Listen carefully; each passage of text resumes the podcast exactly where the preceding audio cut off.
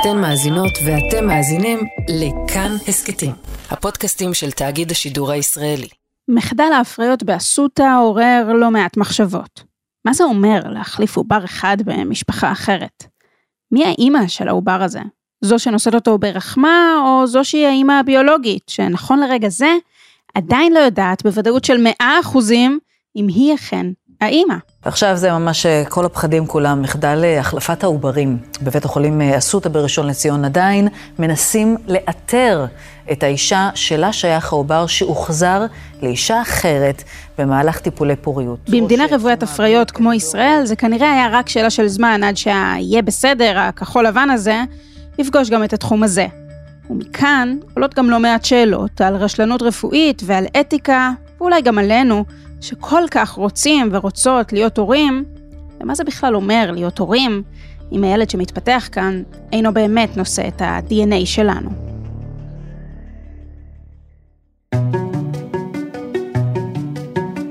שלום, אני גילי כהן ואתם מאזינים לעוד יום, הסכת האקטואליה של כאן.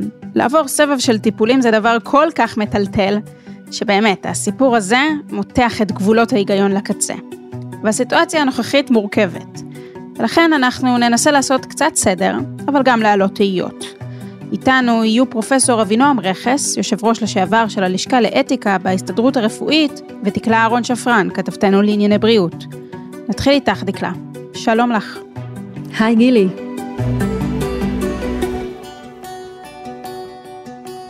כמה אנשים דיברו איתך על הסוגיה הזאת בימים האחרונים? וואו, כל כך, כל כך הרבה. אני חושבת שהסיפור הזה הוא גם סיפור נורא, הוא גם סיפור אה, נורא מעניין, הוא גם מעלה המון המון אה, שאלות, והוא נראה לי עשוי לגעת בחיים של הרבה מאוד אנשים. למרות שמדובר בסוף בחיים של משפחה אחת, ביולוגית, ועוד משפחה אחת, שנושאת ברחמה עובר שאינו ביולוגי. על פניו זה הסיפור שלהם בלבד, לא? נכון. אנחנו אולי נאמר קודם כל אה, מה אנחנו יודעים על הסיפור עד עכשיו.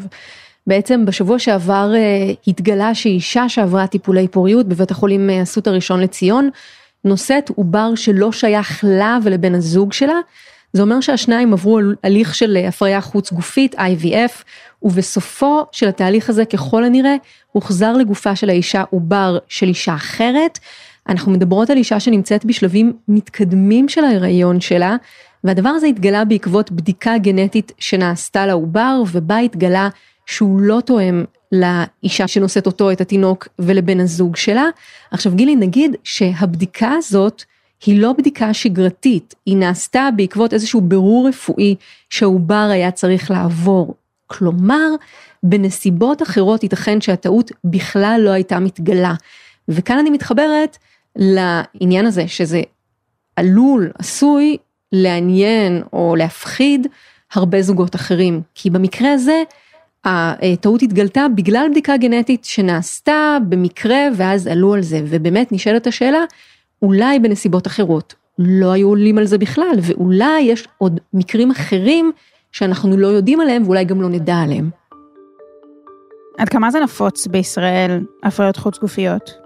זה ממש נפוץ יחסית לגודל האוכלוסייה ואפשר לומר שמספר הטיפולים אה, נמצא במגמת עלייה מתחילת שנות התשעים, ככה בשביל שתהיה לנו איזה קריאת כיוון, בשנת 2019 היו כ-52 אלף טיפולים, לעומת כ-35 אלף בשנת אה, 2010, ואם אנחנו צוללות ככה לתוך הנתונים האלה, לתוך המספרים, אז מרבית מחזורי הטיפול, 78% מהם היו עם החזרת אה, עוברים, למעלה מרבע אה, מהמחזורים האלה של הטיפולים הסתיימו בהיריון ו-21% הסתיימו בלידה של תינוק שהיה חי, זה שיעור שנמצא די יציב בשנים האחרונות.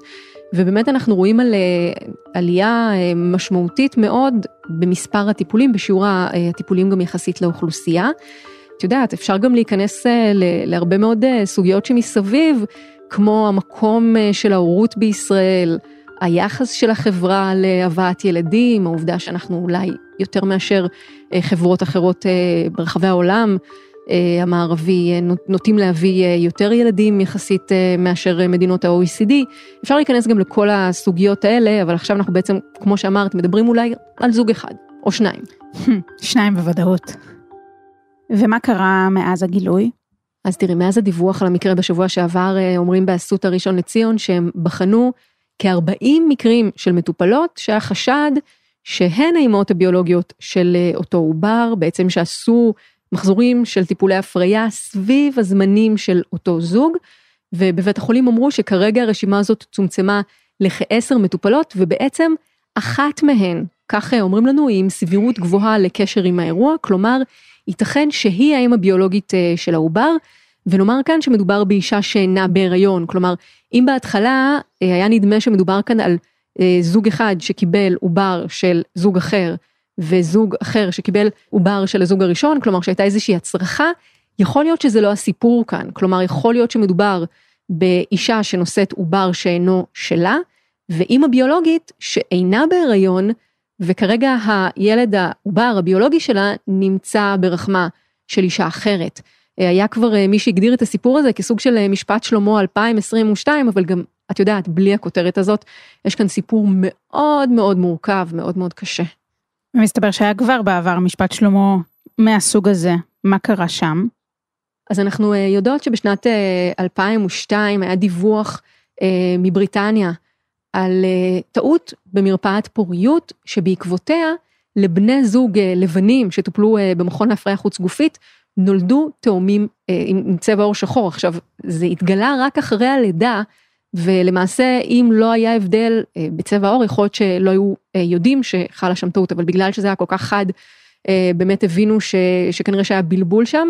אז דווח שבני עברו טיפולי פוריות אחרי שהם לא הצליחו להביא ילד במשך הרבה מאוד שנים, כמובן היה תיאור של השמחה הגדולה שאחזה בבני הזוג אחרי שהם הצליחו להיכנס אה, להיריון, אבל אז גם אה, מבוכה אה, גדולה שהייתה, ובעצם חוסר הבנה של מה לפנינו, כשהם מגלים שנולדו להם תאומים, שכנראה שהם אינם של בני הזוג מבחינה ביולוגית. היית מצפה שבהליך כל כך מורכב, שמלא בבירוקרטיה ומלא בטופסולוגיה ומלא בהנחיות רפואיות, שלוקחות את הזוג שמנסה להיכנס להיריון באמת לקצה, שדברים כאלה יהיו סופר מגובים באלף ואחד פרוטוקולים שימנעו דבר כזה. זה ממש נכון גילי ואני יכולה להגיד לך שבאופן עקרוני יש הרבה מאוד פרוטוקולים שאמורים אה, לוודא שזה לא יקרה, מעניינים שהם יחסית כאילו פרוצדורליים ונראים פשוטים אבל מאוד מהותיים שעל שולחן שבו את שמה את החומר הגנטי של אה, אישה אחת, את לא, את לא אמורה לשים או, או באותו זמן אה, גם חומר גנטי של, של אישה אחרת, כלומר אמורה להיות הפרדה מאוד מאוד ברורה בין ההליכים, בין אישה, בין זוגות אה, אה, שונים. הטעות יכולה לקרות בזיהוי העוברים לפני החזרה. זה הפרופסור שוקי דור, חלוץ טיפולי ההפריה החוץ גופית בישראל, ממקימי היחידה בשיבא ובאסותא תל אביב, מתאר את התהליך הזה בריאיון לכתבה של קטי דור בחדשות הערב. נכון שיש נוהל וקבענו נוהל מאוד ברור. בכל החזרה, כשהעוברים כבר נמצאים בצלחת לפני שמכניסים אותם לצינורית שהולכת לרחם, האמבריאולוגית מזהה קודם כל את הפציינטית. קוראים לך כך וכך, תעודת זהות כך וכך. ואז היא הולכת לצלוחית ומזהה את הצלוחית לפי הברקוד. ובנוסף, צריכה להיות עוד אמבריאולוגית אחת, ארבע עיניים במקום שתיים. והוא גם מדבר על הסיבות שיכולות להביא לטעות, למרות הנהלים האלה, עומס על המערכת ועייפות. מעומסים מוגזמים מתעייפים. פשוט עייפות. גם הנהג הכי זהיר ושאין לו שום רקורד, אם הוא עייף, הוא יעשה תאונת דרכים. אבל עדיין, תראי, אני יכולה להגיד לך שכשמדובר, נאמר, באנשים אה, שהם דתיים, שעושים הליכי הפריה חוץ גופית, יש כאלה שלוקחים איתם מה שנקרא אה, אה, מעין משגיחה כזאת.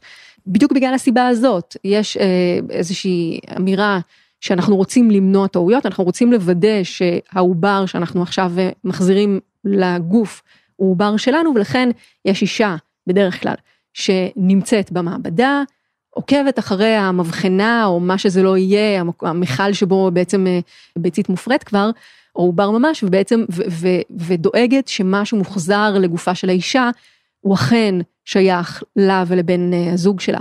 אבל זה נמצא, זה נעשה כמובן רק אה, בחלק מהמקרים. זו ממש משגיחת כשרות? משגיחת כשרות, ממש ככה, לענייני IVF. למה אה, זה ו... קורה אבל רק בציבור הדתי? כלומר, הייתי מצפה, אם יש חשש כזה שמביא רבנים לפסוק שצריכה להיות אה, השגחה עליונה בדמות עוד זוג עיניים, למה לא שיהיה את זה לכל הזוגות? אני חושבת שזה לגמרי עניין של אה, בחירה של בני הזוג, וזה פשוט אולי נמצא עם uh, תודעה יותר חזקה אצל אנשים שהם דתיים, יש כל מיני uh, סוגיות, כמו uh, אם האב לדוגמה הוא כהן, ואז יש שאלה לגבי הילד שייוולד, אם הוא נחשב כהן או לא, או כל מיני סוגיות אחרות, או אני לא יודעת, אולי הבנה יותר ברורה ש- ש- ש- שיש טעויות ואנחנו רוצים להימנע מזה, אני באמת לא יודעת מה הסיבה לכך, אבל אני מתארת לעצמי שאיזושהי חתירה להסדרה של הדבר הזה לא הייתה עוברת לדעתי אה, בצורה חלקה. כי באמת הפרוטוקולים אה, אמורים לדאוג שלא יהיו טעויות כאלה ושוב גילי יכול להיות שאנחנו בכלל לא היינו מדברות על זה אם לא היה במקרה הזה גם אה, את יודעת איזשהו עניין חיצוני שהביא לכך שבכלל בדקו את העובר הזה וגילו שהוא לא שייך להורים שלו. ואני יכולה להגיד לך שבשיחות שלי עם אנשי מקצוע בימים האחרונים יש כאלה שאומרים לי אנחנו בטוחים שיש עוד טעויות שנעשות אבל אף אחד לא יודע עליהם. ונשאלת השאלה, מי יכול אה, להביא לכך שאולי הפרוטוקולים ישונו, אולי משהו בהליכים הקיימים צריך להשתנות כדי שלא יהיו טעויות כאלה. אני יכולה להגיד לך שבמשרד הבריאות אה, הקימו ועדת אה, בדיקה לבחינת המקרה הזה שלפנינו, עם אנשי מקצוע שחלקם, את יודעת, מומחים בתחום הפריון, בתחום הלידה, והם אמורים אה, לבוא בסוף עם מסקנות. התקווה היא שבעצם המסקנות שלהם לא תיגענה רק במקרה הזה, אלא גם אולי אה, יביאו לפתיחה, אה, דיון, שיח בנושא של הנוהל הקיים, ואז אולי מסקנות גם לגבי צורך בשינוי מתבקש.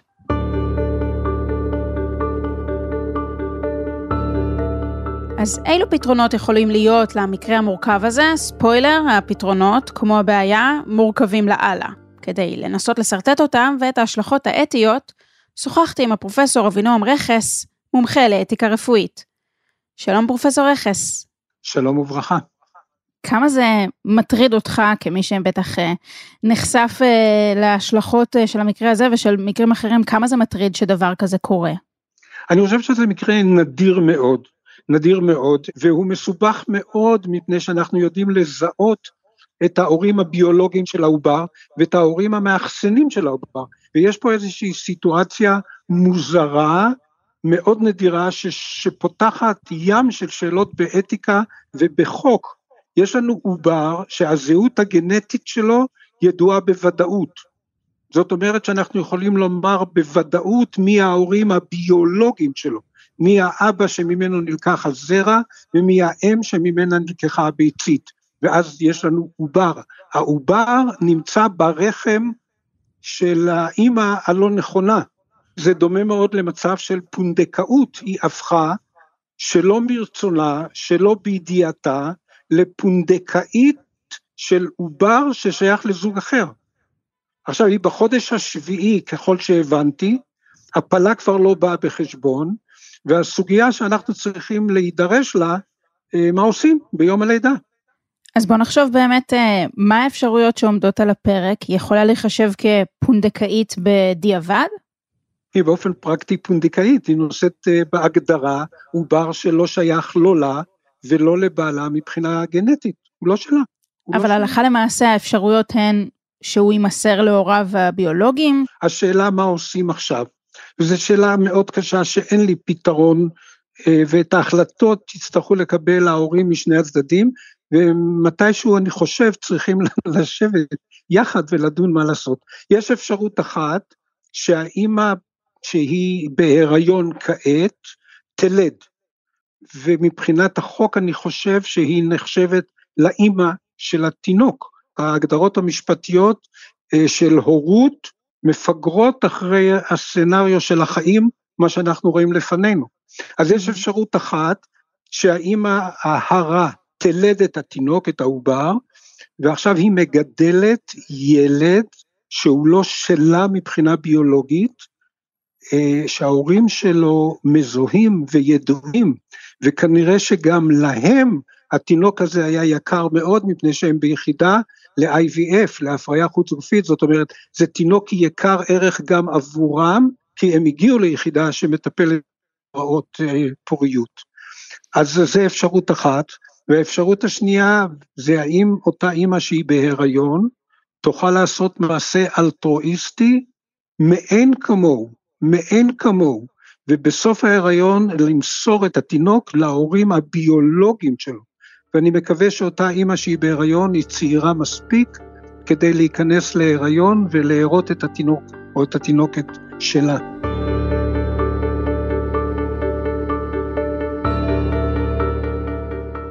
ויש פה עוד עניין, פרופסור רכס, המחשבה שאלמלא היה לעובר בעיה גנטית, אה, שהייתה מצריכה את אותה בדיקה גנטית שנעשתה בשלב מאוחר של ההיריון, כלל לא היו יודעים מזה. נכון, במקרה תוך אה, כדי אותה בדיקה שהיא לכאורה לא רלוונטית לשייכות, גילו את העובדה שהתינוק או התינוקת הם לא, הביולוג, לא התינוקת הביולוגית של אותו זוג. וכעת עולה המחשבה, איך אנחנו יודעים שזה לא קרה בעבר? אנחנו לא יודעים. בנק עוברים זה מכלים ענקיים גדולים של חנקן נוזלי, אה, יש שם הרבה מאוד אה, מבחנות, הרבה מאוד מספרים, הרבה מאוד אותיות קוד, ברקודים וכדומה, זה עשוי ככה שלפחות שני אנשים בודקים את הנעשה כל צעד וצעד כדי למנוע בלבול, וגם אם מתרחש בלבול, נדיר ככל שהוא יהיה, מתישהו באיזשהו מקום עשויה או עלולה ליפול, אה, שגיאה או טעות מהסוג הזה. אני חושב שהרבה פעמים קורות תקלות כאלה שלא מגיעות לידי ברור ולידי אה, זהות עד הסוף. אנחנו צריכים לדעת שהיכולת של הרפואה הגנטית לשייך גנטית אדם לאדם, עובר לאימא, עובר לאבא, היא מעולה, היא מוחלטת. זו מציאות שלא הייתה קיימת לפני שנים, ולכן התקלות האלה מהסוג הזה, יהיה קל לעלות עליהן אם הם יתרחשו.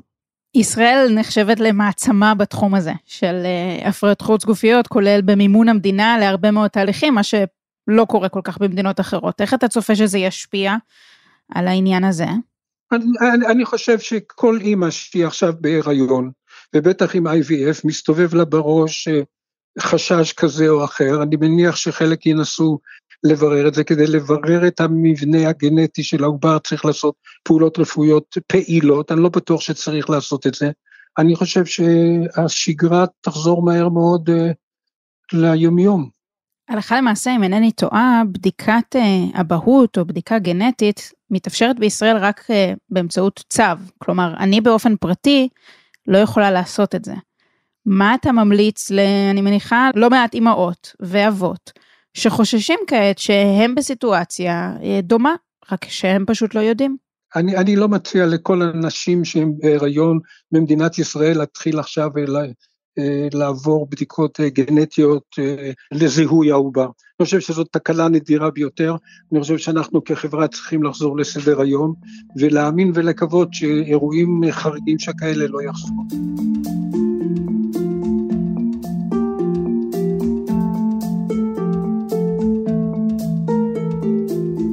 אני רוצה לחזור איתך שוב לעניין האתי. דיברת בעדינות על השאלה האם האם תסכים לעשות איזשהו צעד אלטרואיסטי של למסור את העובר לכשייוולד אה, למשפחה השנייה. אבל בסופו של דבר יש פה הריון שמעבר לעלויות הכלכליות הגבוהות שהליך כזה נדרש, יש פה גם הריון הרי לא סתם הם הגיעו למחלקת IVF, כלומר לא סתם הם הגיעו לסיטואציה שבה הם נדרשים להפריה. בוודאי, בוודאי, זה, התשובה היא חד משמעית נכון, אבל המחשבה תרדוף אחריהם כל החיים, שהם מגדלים את הילד של המשפחה שגרה ממול, ברחוב השני, הוא לא שלהם מבחינה ביולוגית, הוא לא יהיה דומה להם מבחינה ביולוגית, הוא לא יהיה דומה להם מבחינת התכונות הפיזיות שלו. אני חושב שזו ידיעה קשה מאוד, ידיעה קשה מאוד, ולעומת זאת אם האימא, אם האימא תחליט להחזיר אותו להורים הביולוגיים והיא תיפרד ממנו בלידה ולא תראה אותו יותר, אה, הנזק הרגשי, ויש פה נזק רגשי עצום שאני לא מזלזל בו, הנזק הרגשי יהיה מינימלי. אבל אם יש עלויות כלכליות להיריון וכדומה, זה דברים שהם כבר בשורה השנייה או השורה השלישית של סוגיות שצריך לפתור ואפשר לפצות כלכלית אה, את אותה אישה שהיא בהיריון. זו נראית לי הסוגיה היותר קלה לפתרון. אתה חושב, פרופסור רכס, שבעקבות המקרה צריך לנסח כללים חדשים? אני חושב שהמשפטנים צריכים להתיישב ולהגדיר מחדש הורות, מי ההורה. האם ההורה, במקרה כזה מבחינה משפטית למי שייך העובר, האם אפשר לערער על ההחלטות המשפטיות הקיימות, על המצב המשפטי הקיים, אבל את הדברים האלה באמת צריך לשאול את המשפטנים ולא את הרופאים. אני חושב שהמהלך הנכון זה שהרופא הבכיר ביותר באותו מרכז פריון, באמצעות או בעזרה של פסיכולוגים, עובדים סוציאליים, כל מי שנדרש לתמיכה גם בצד הרגשי שמחייב טיפול דחוף גם כאן, יפגיש בעדינות הנדרשת, בתהליך הדרגתי ובהסכמה בין הצדדים, יפגיש את שתי, את שתי המשפחות. והם צריכים לדבר בינם לבין עצמם בעזרה מקצועית אה, של פסיכולוגים, עובדים סוציאליים, רופאים, רופאי פריון, והם צריכים להחליט לדעתי לפני הלידה מה הם רוצים לעשות.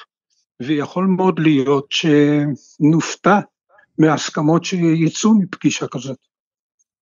מה אומרים במפגש שכזה? אני חושב שהרופא האחראי לתקלה צריך להסתכל לשני הזוגות בעיניים ולהתנצל מעומק ליבו על התקלה.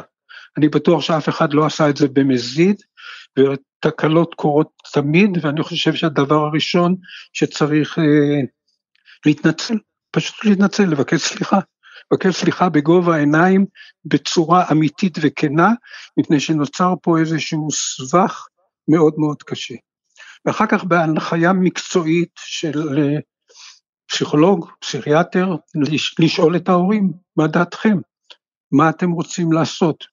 זה כמו בתהליך גישור, צריך מגשר בו, שידבר עם כל צד בנפרד, ישמע את העמדות שלהם ויכניס אותם אחר כך בסופו של דבר לחדר אחד. אני, אם הייתי הרופא האחראי על התקלה, הייתי קורא לזוג ראשון, את הזוג שהאישה בהיריון, הייתי מסביר לה מה קרה, הייתי מסביר לה איך זה קרה, מתנצל על מה שקרה ושואל אותה מה בכוונתה לעשות. האם הם חשבו על זה? הייתי עוזר להם לחשוב, הייתי עובר על האופציות כמו שאנחנו עברנו פה בשיחה ושומע את העמדות שלהם. ולאחר מכן, במועד אחר, בשעה אחרת, פוגש את הזוג השני של ההורים שמהם נלקח במחאות כפולות העובר. מתנצל באותה מידה, באותה צורה, שואל אותם מה הם רוצים שיהיה, מה הם רוצים שיקרה, האם הם מוותרים על העובר, האם הם רוצים אותו חזרה. יכול להיות שנופתע שהרצונות שלהם יפגשו אחד את השני, ואז נכניס את שני הזוגות לחדר ונעשה תהליך של גישור אנושי רגיש מאין כמוהו, ואולי נגיע לידי הסכמות. פרופסור רכס, תודה רבה לך. כל טוב.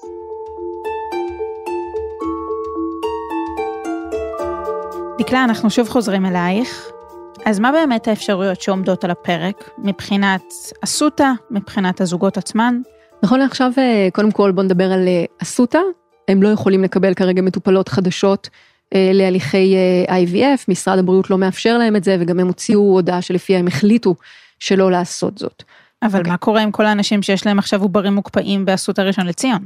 שאלה מצוינת. קודם כל, בעצם אומרים לנו בבית החולים שהם עושים עכשיו בחינה מדוקדקת אה, של המקרים שהיו בסביבת הזמן של אה, אה, הפריה של הזוג הזה, שאישה נמצאת בעצם בשלבי הריון מתקדמים. ברגע שיהיה עימות לגבי מי אותה אם ביולוגית, אז ייפתחו המון המון שאלות נוספות. כי בעצם נשאלת השאלה, ויש כאן פתח עצום להמון המון שאלות אתיות.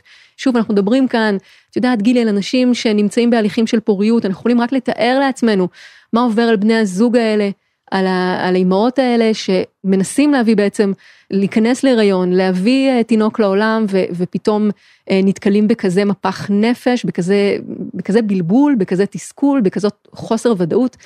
ואני חושבת שזה התפקיד של משרד הבריאות עכשיו, להרים את הכפפה, ואם יש ועדת חקירה שבודקת את העניין הזה, אז לבדוק אותו לעומק ולחשוב אילו נהלים צריכים אה, להכניס כאן, אה, רגולציה שתשתנה, פיקוח, אולי צריכות להיות משגיחות או משגיחים על ההליכים האלה באופן סדור בתוך המעבדות, בתוך המרפאות אה, של ה-IVF. הייתי רוצה להגיד שאנחנו חייבים להגיע למצב שמה שהיה הוא לא מה שיהיה. אני לא יכולה להגיד בוודאות שזה אכן יקרה, אבל רק לקוות שבאמת הזעזוע הזה שאני חושבת שכולנו מרגישים מאז השבוע שעבר של מקרה טרגי מאוד שנוגע בשתי משפחות ככל הנראה. ייגע בסופו של דבר רק במספר מצומצם ככל הניתן של אנשים ולא יחזור על עצמו ולא נשמע על מקרים דומים כאלה גם בעתיד. דקלה אהרון שפרן, תודה רבה לך. תודה גילי. האזנתם לעוד יום, העורך הוא דניאל אופיר, עיצוב קול ומיקס רחל רפאלי, ביצוע טכני שמעון דוקרקר וחיים זקן, בצוות יותם רוזנבלד. היה לכם מעניין? אז קדימה, תשתפו את הפרק. אם אתם מאזינים לנו ב Spotify או ב Apple Podcast, נשמח אם תיתנו לנו דירוג גבוה. הערות על מה שאמרנו אתם מוזמנים ומוזמנות לכתוב בקבוצת כאן הסכתים בפייסבוק. אפשר גם בחשבון שלי בפייסבוק או בטוויטר. עדיף בטוויטר. פרקים חדשים של אודיו עולים בימים ראשון, שלישי וחמישי. את כולם וגם הסכתים נוספים מבית כאן תוכלו למצוא בכל מקום שבו אתם מאזינים להסכתים או באתר שלנו. אני גילי כהן, נשתמע.